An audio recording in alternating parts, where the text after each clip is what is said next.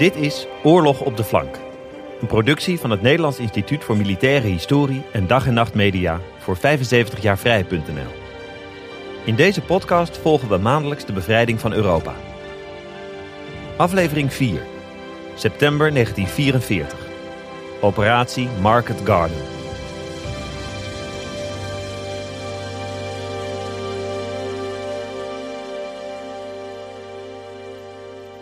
Een jonge Duitse luitenant kijkt op zondagochtend 17 september met slaperige ogen vanuit Arnhem naar het westen. Daar bij Oosterbeek hangen witte vlokjes in de lucht. Vreemd, denkt de luitenant. Het sneeuwt toch nooit in september? Hij knippert nog eens. En nog eens. Dan valt het kwartje. Parachutisten. Het zijn parachutisten.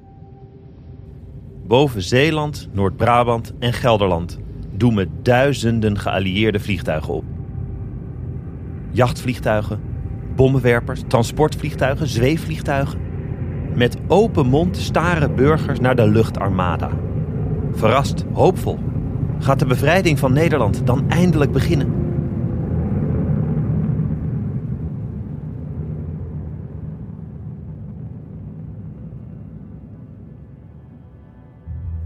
Dit was de start van operatie Market Garden. Het geesteskind van veldmaarschalk Montgomery en het onderwerp van deze aflevering. Market Garden is waarschijnlijk de bekendste militaire operatie ooit op Nederlands grondgebied. En de grootste luchtlandingsoperatie uit de geschiedenis. Begin september 1944 stonden de geallieerden aan de zuidgrens van Nederland. Na het nodige soebatten kreeg veldmaarschalk Bernard Montgomery eindelijk zijn zin. Hij mocht zijn dolksteek gaan plaatsen. Een full-blooded thrust dwars door Zuid-Nederland. Daarna de Duitse Westwal omzeilen, het Roergebied in handen krijgen en on to Berlin. Montgomery's Amerikaanse collega's, knap chagrijnig over de excentrieke Britse veldmaarschalk en zijn prima donna gedrag, moesten het maar even doen met de voorraden die ze hadden. Met de kerst zijn we weer thuis, beloofde Monty. Bescheidenheid? Nee, dat was nooit zijn belangrijkste karaktertrek. Maar zo vreemd was Montgomery's uitspraak nou ook weer niet. De geallieerden waren eind augustus en begin september razendsnel opgerukt door Noord-Frankrijk en België. Met weemoed dacht de Britse generaal Brian Horrocks daar later aan terug. Dit was het soort oorlogvoering waar ik dol op was. Wie niet? Met 600 tanks dwars door de Duitse linies als een zeis door een korenveld. Zuid-Limburg profiteerde van de kracht van de geallieerde opmars. Op 14 september werd Maastricht bevrijd. Oorlogsverslaggever Robert Kiek bezocht de Limburgse hoofdstad, die borrelde van emoties. Vier jaar, vier maanden en vier dagen nadat de Duitsers ons land waren binnengerukt, stroomden eenheden van het Amerikaanse leger onze oudste stad binnen. En de Yankees zijn er ontvangen door een burgerij die zich soms nog moest bezinnen tussen tranen van vreugde en een laaiend enthousiasme zoals ik dat nog nooit eerder heb gezien. Wanneer ik probeer u een indruk te geven van hoe Maastricht in die eerste ogenblikken van de bevrijding feest heeft gevierd, dan moet ik wel haast vervallen in de journalistieke clichés van voor de oorlog. Maar Nederland heeft deze clichés vier jaar lang niet kunnen lezen of horen. Maastricht was gisteren één oranje zee. Wanneer de Nederlander feest viert, steekt hij niet alleen de vlag uit, maar zijn eerste gedachte is aan het oranje speldje in zijn lapel. Maar Maastricht ging verborgen achter het oranje. Meisjes droegen oranje rokken, die al geruime tijd geleden in elkaar moeten zijn gezet. Mannen hadden oranje sjerpen om. Fietsen waren met oranje bloemen versierd, al was het een bloemencorso. Oranje wimpels hingen in de straten en op de Vrijthof brulde een deinende menigte om de paar seconden. Leven Willemien! Het was om nooit te vergeten. De eerste stad waar we weer konden zeggen wat we dachten. Het eerste stukje Nederland dat opnieuw zichzelf was geworden. En nu dus de volgende stap. Operatie Market Garden. Het was een opvallend gedurfd plan voor de doorgaans zo voorzichtige Montgomery. De Amerikaanse generaal Omar Bradley schreef later... Als de vrome geheel onthouder Montgomery ons hoofdkwartier was binnengewaggeld met een stevige kater... dan zou ik minder verbluft zijn geweest dan door het avontuurlijke en inventieve plan dat hij nu voorstelde. Market Garden plaatste Nederland vol in de geallieerde opmars. Het was eigenlijk een combinatie van twee operaties: Market en Garden. Market, dat waren de luchtlandingen bij Eindhoven, Nijmegen en Arnhem. In totaal 1760 transportvliegtuigen. Bijna 4000 zweefvliegtuigen. 35.000 militairen. Het doel? De belangrijke bruggen in handen krijgen voor de Duitsers ze konden opblazen.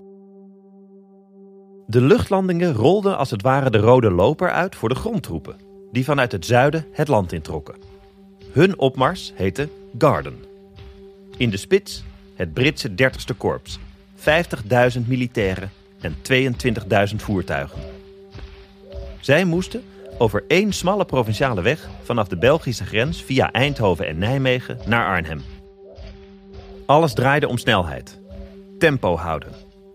De licht bewapende luchtlandingstroepen zouden het immers hoogstens 48 uur volhouden zonder versterking.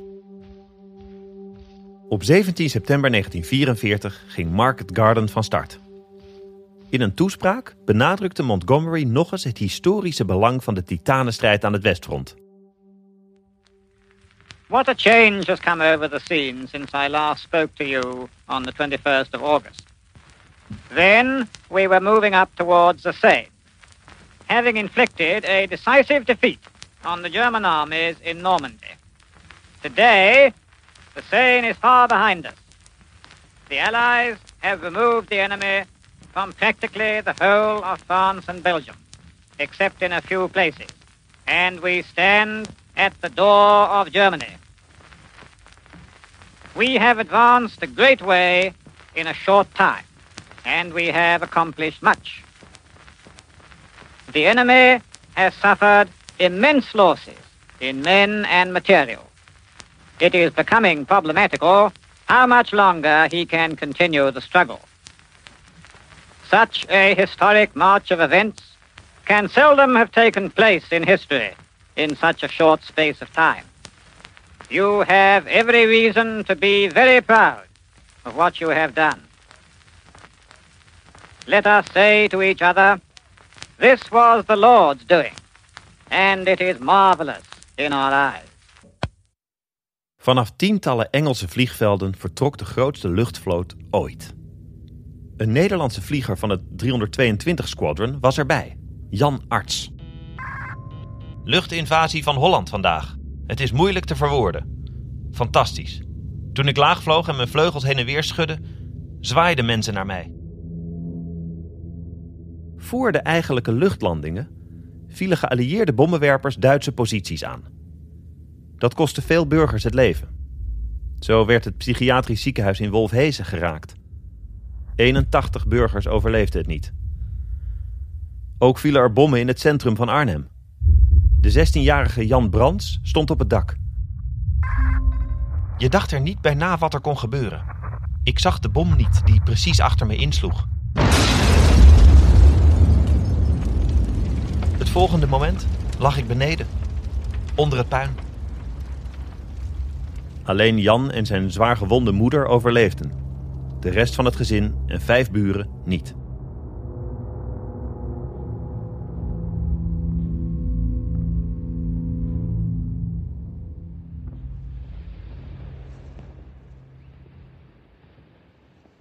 Rond het middaguur, in de buurt van Eindhoven, openden de eerste parachutes van de Amerikaanse 101e Luchtlandingsdivisie, de Screaming Eagles. Verslaggever Edward R. Morrow vloog mee in een van de transportvliegtuigen. De wind gierde door de open deur. Het groene licht flitste aan. Here it goes. One, two, three. We're throttle back now. There it goes. You hear him shout? Three, four, five, six, seven, eight, nine, ten, eleven, twelve, thirteen, fourteen, fifteen, sixteen, seventeen, eighteen. Every man out. I can see their chutes going down now. Every man clear. They're dropping just beside a little windmill near a church, hanging there very gracefully. Seem to be completely relaxed, like nothing so much as khaki dolls hanging beneath a green lampshade. Intussen gingen bij Nijmegen de All-Americans van de 82e luchtlandingsdivisie aan het werk. Hun doel? Het veroveren van de bruggen over de Maas, de Waal en het Maas-Waalkanaal. Luitenant James Coyle overkwam iets opmerkelijks. Een Duitse soldaat rende precies naar de plek waar ik neerkwam. Toen ik hem wilde neerschieten, gooide hij zijn geweer en helm weg. Een knul, 17 of 18 jaar oud, volslagen in paniek. Hij rende vlak langs me, keek me niet aan. Ik kon die knul toch niet neerschieten?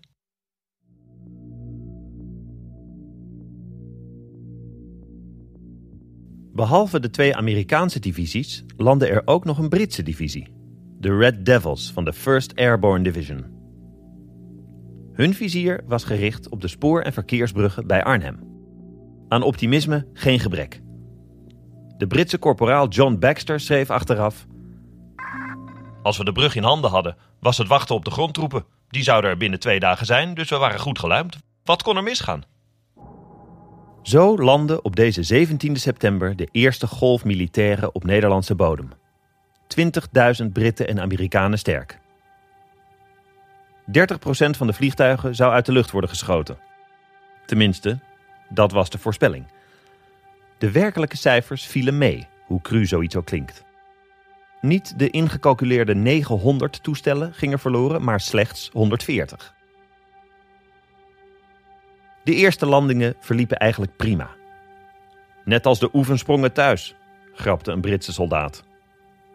Na afloop de parachute weer netjes inpakken en natuurlijk een kop thee met een wolkje melk.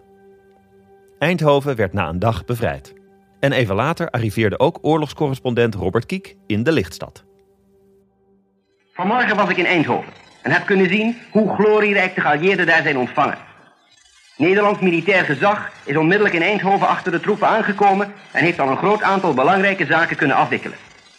Ik heb vanmorgen in Eindhoven een korte reportage opgenomen waarop u ditmaal niet het gejuich van de menigte hoort. Maar wel wil ik u verzekeren dat het enthousiasme er geweldig was. En vooral de eerste Nederlanders die daar zijn binnengekomen werden met donderende hoera's binnengehaald. Ditmaal heb ik de microfoon eerst te luisteren gelegd op het hoofdkwartier van een der verzetsgroepen. Er is om Eindhoven hard gevochten. Het was een vreugde te zien dat de burgerbevolking nauwelijks schade en zo goed als geen verliezen heeft geleden in deze strijd ten noorden, ten westen en ten zuiden van Eindhoven. Hier in de stad zijn op het ogenblik de Tommies. Ook in de stad zijn de Amerikanen, uh, Amerikaanse troepen van het luchtleger die enkele dagen geleden in Nederland zijn geland. Eindhoven is op het ogenblik een, vaste, een vast punt in geallieerde hand. Oorlog voeren is vaak een kwestie van geluk hebben. En van pech incasseren. Zo gelukkig en soepel als de landing bij Eindhoven verliep, zoveel pech hadden de Britse troepen bij Arnhem. Wat was het geval? In de dagen voorafgaand aan Market Garden waren de restanten van twee SS-panzerdivisies in de buurt van de landingsterreinen terechtgekomen. De 9e en 10e SS-panzerdivisionen. Ze hadden een paar dagen om op adem te komen. Een onverwachte rustpauze. En eentje met grote gevolgen. SS-motorcourier Alfred Ziegler herinnerde zich... De week pauze na de chaos van Frankrijk en België was beslissend. We hergroepeerden, kregen nieuwe uitrusting. Mijn motorfiets werd gerepareerd. Een kogel van een jachtbommenwerper was dwars door het motorblok gegaan. En ongeluk komt nooit alleen.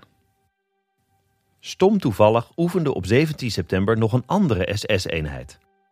Precies tussen de Britse landingsterreinen bij Oosterbeek en het doelwit Arnhem.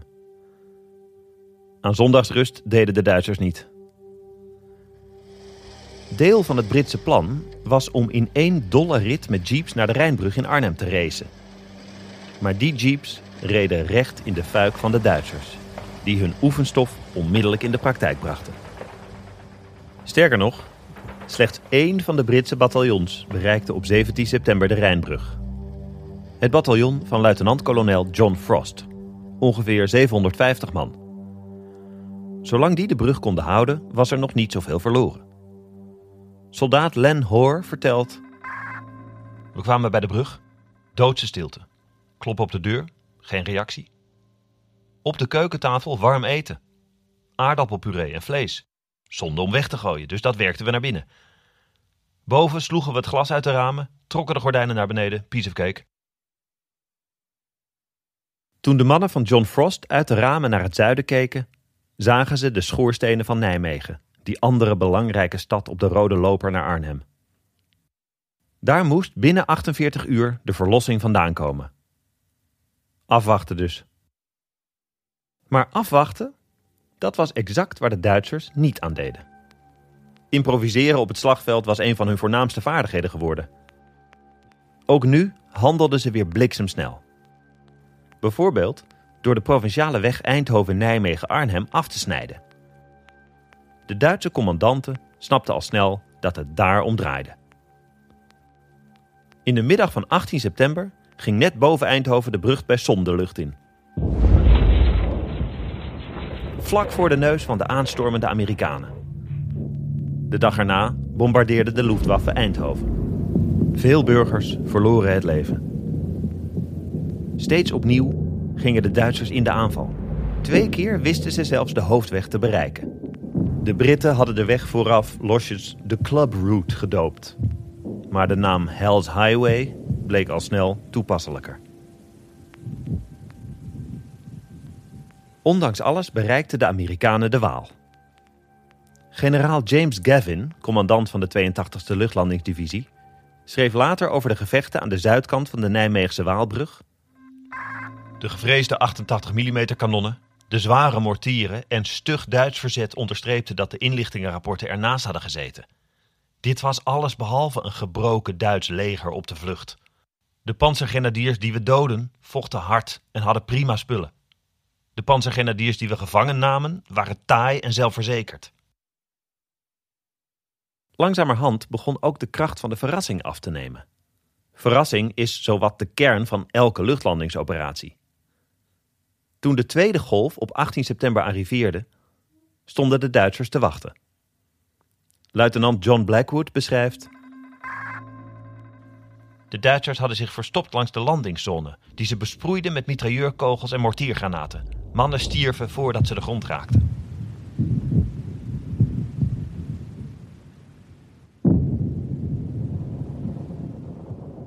Intussen vochten de mannen van John Frost bij de Rijnbrug in Arnhem als duivels. De brug was letterlijk het speerpunt van Market Garden. Eén dag, twee dagen. De versterking bleef uit. Drie dagen, vier dagen, nog steeds niets. Uiteindelijk, in de nacht van 20 op 21 september, hakte Frost de knoop door. Het was nu elke man voor zichzelf. Wie ontsnapte, had veel geluk. De Arnhemse verkeersbrug was weer in Duitse handen. Hun tanks rolden de Betuwe in, richting Nijmegen. Via de Nederlandse omroep spuiden de Duitsers hun overwinningspropaganda. De strijd in Nederland en het westelijk front. Terwijl in het gebied rond Eindhoven verbitterde gevechten heen en weer golfden, werden in het gebied van Arnhem sterke groepen Engelse parachutisten vernietigd.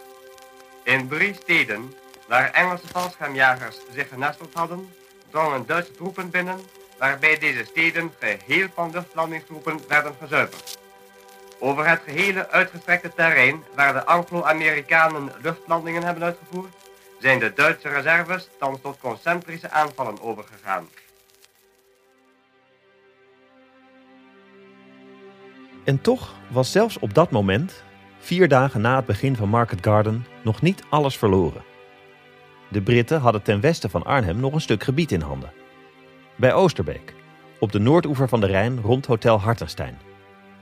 De Britten spraken van The Perimeter, de Duitsers van Der Hexenkessel. De geallieerde luchtmacht deed verwoede pogingen voorraden te droppen. Vanuit de perimeter zag oorlogscorrespondent Stanley Maxted ze neerkomen. Uh, a moment ago, we heard the engines of heavy aircraft, and now flying low to drop their supplies. I can see over the tops of the trees Sterlings, Halifaxes, Dakotas, and now parachutes are blossoming out like bunches of chrysanthemums.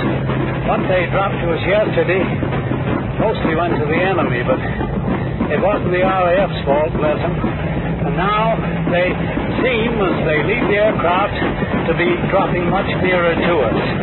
Some, a few, are even dropping in the ground. All those beautiful forests.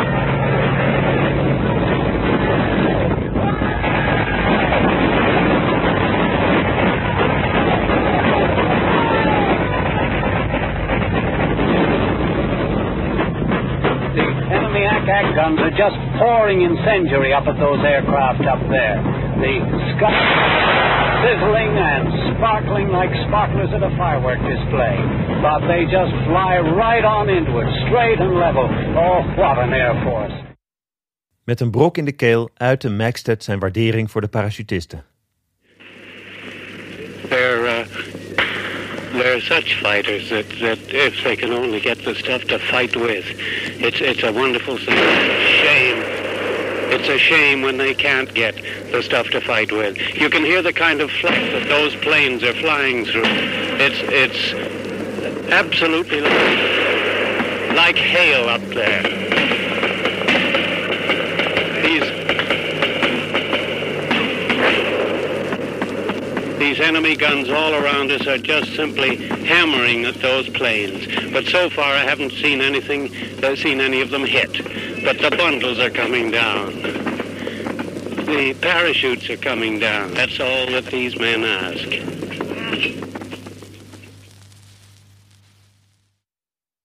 Langzaam maar zeker drukten de Duitsers de perimeter verder in elkaar. Waar bleef toch dat dertigste korps? Die reddende cavalerie. Die stonden nog bij Nijmegen. Want ze kwamen de Waal niet over. Op woensdag 20 september kwam generaal James Gavin daarom met een stoutmoedig plan. Met canvasbootjes de rivier oversteken. Onder Duits vuur, dat leek een zelfmoordmissie.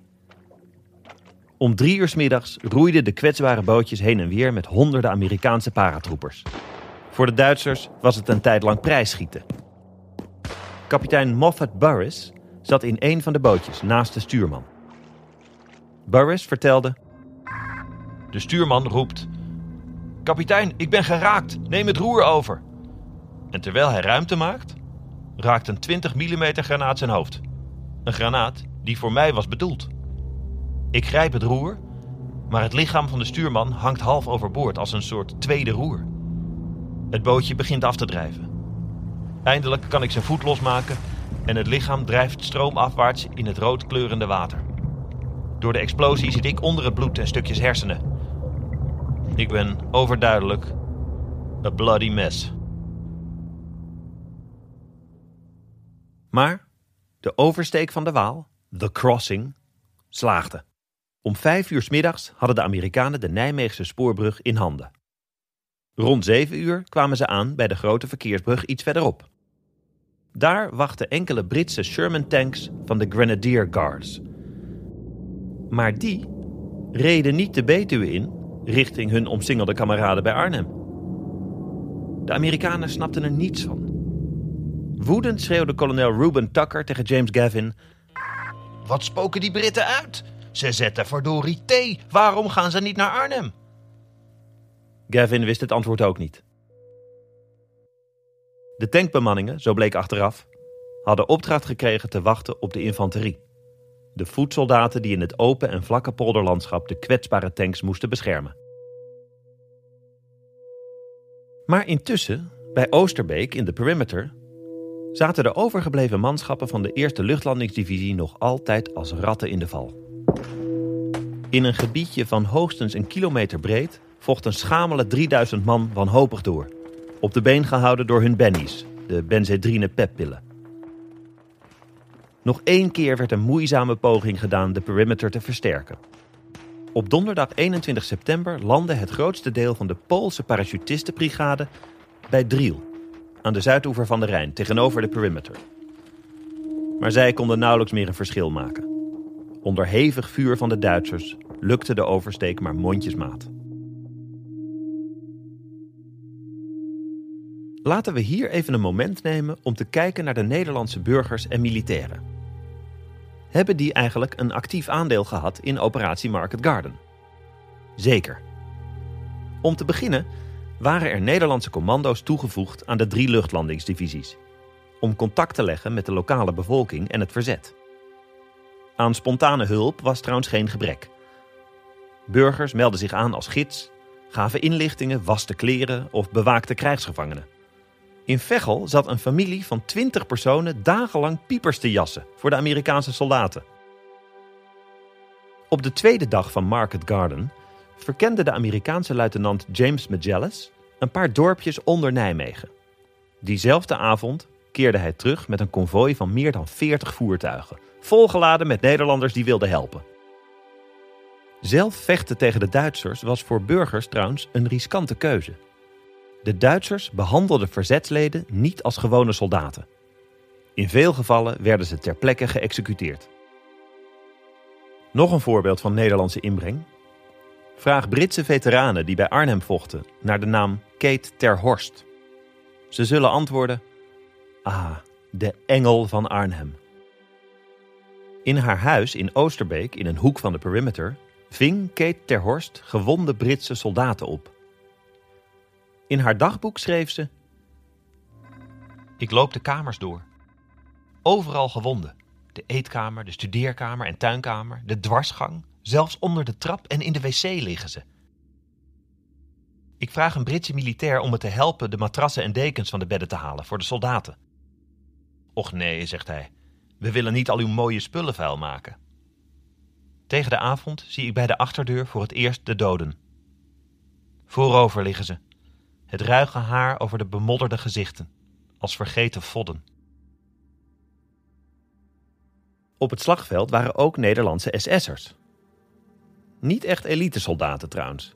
Ze waren opgeleid voor bewakingstaken en politiewerk, niet voor de echte oorlog. Veel van deze Nederlandse SS'ers sneuvelden of deserteerden. Hun baas, Hans Albin Rauter, serveerde ze na de oorlog af als een zootje ongeregeld. Diefstal, bedrog, afpersing, weglopen van de wacht, ongehoorzaamheid. Het was bij de Nederlandse SS'ers schering en inslag. Terug naar het front.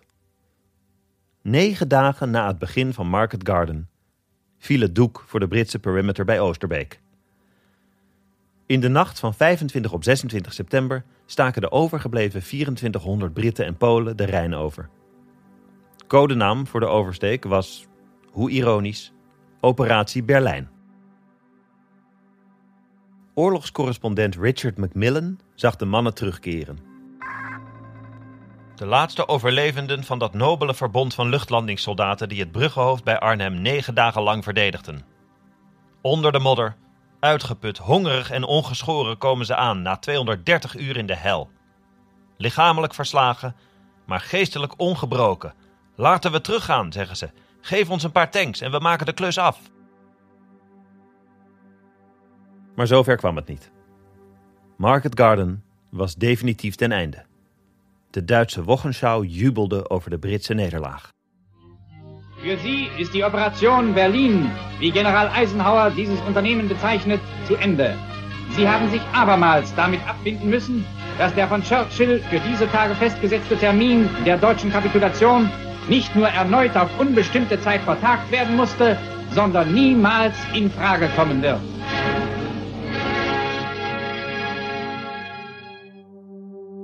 Na afloop kon het vingerwijzen niet uitblijven.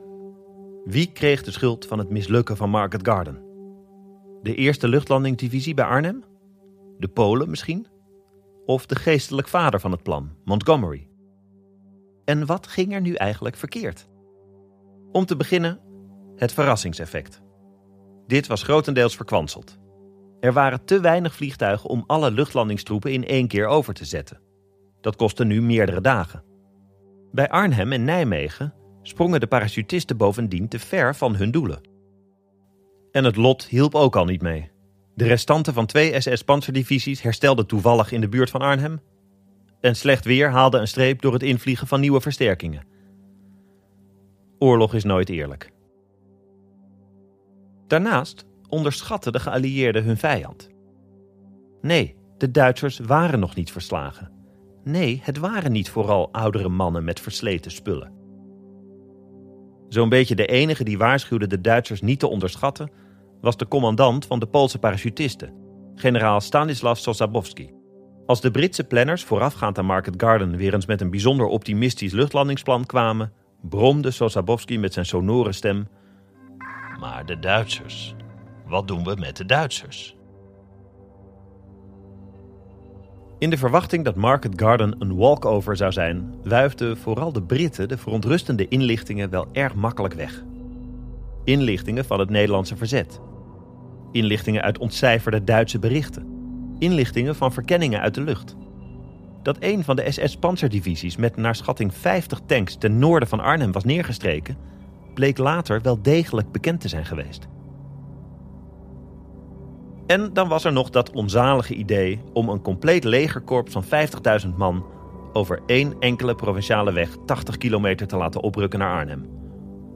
Een vaak te smalle en altijd kwetsbare levensader. Behalve de bekende brug te ver, was Market Garden ook een weg te weinig. Er zijn nog veel meer voorbeelden van verkeerde inschattingen en godzegende greepbeslissingen. Neem de radioapparatuur. Die bleek in de heuvelachtige bossen rond Arnhem niet goed te werken. Of wat te denken van de Britse divisiecommandant Roy Urquhart. Die besloot op de tweede dag van de operatie doodleuk op eigen houtje Arnhem in te trekken om informatie te verzamelen. Prompt moest hij onderduiken op een zolderkamertje, terwijl de Duitsers op straat een sigaretje rookten. Urquharts divisie moest het op een cruciaal moment een halve dag zonder aanvoerder doen. Alles bij elkaar leek operatie Market Garden ten prooi te vallen aan de wet van Murphy. Wat mis kon gaan, ging mis.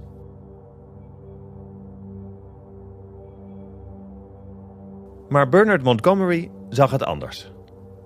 Hij bedankte na afloop nadrukkelijk de mannen van de Eerste Luchtlandingsdivisie.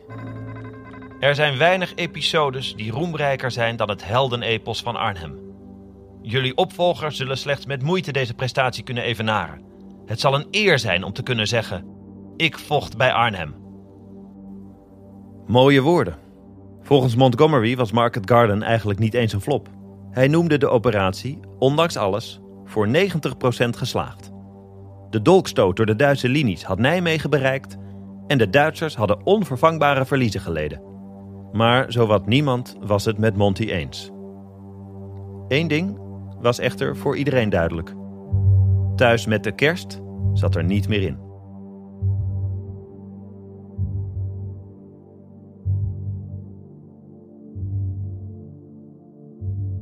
Ter afsluiting maken we de balans op. Bij operatie Market Garden verliezen de geallieerden ongeveer 17.000 man. De Duitsers naar schatting 13.000. Aan de positieve kant. In elk geval is nu een deel van Zuid-Nederland bevrijd. Er is een uitstulping in het front gecreëerd, de corridor genoemd, van de Belgische grens tot Nijmegen.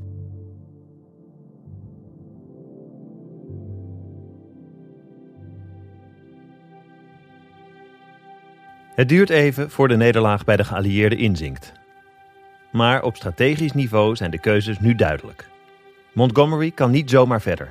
Hij moet nu eerst de Westerschelde vrijmaken om zo de grote havens van Antwerpen te kunnen gebruiken.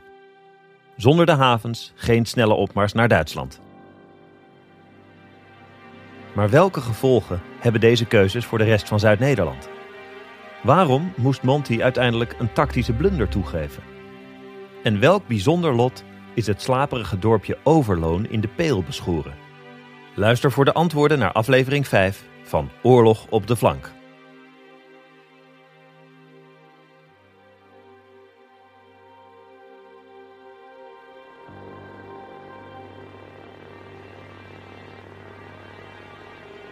Oorlog op de Flank is een podcast van het Nederlands Instituut voor Militaire Historie, geproduceerd door Dag en Nacht Media. De podcast is onderdeel van de multimediale Ode aan de Vrijheid. Kijk daarvoor ook op www.75jaarvrij.nl en is mogelijk gemaakt door het DOSCO Ontwikkelingsfonds. Dank ook aan het Nederlands Instituut voor Beeld en Geluid. Research Marco Middelwijk. Projectleider NIMH Lianne van den Doel. Tekstschrijver Christ Klep. Productie en editing Anne Janssens van Dag en Nacht Media. Audiovormgeving Studio Cloak. En mijn naam is David Lucier. Tot volgende maand.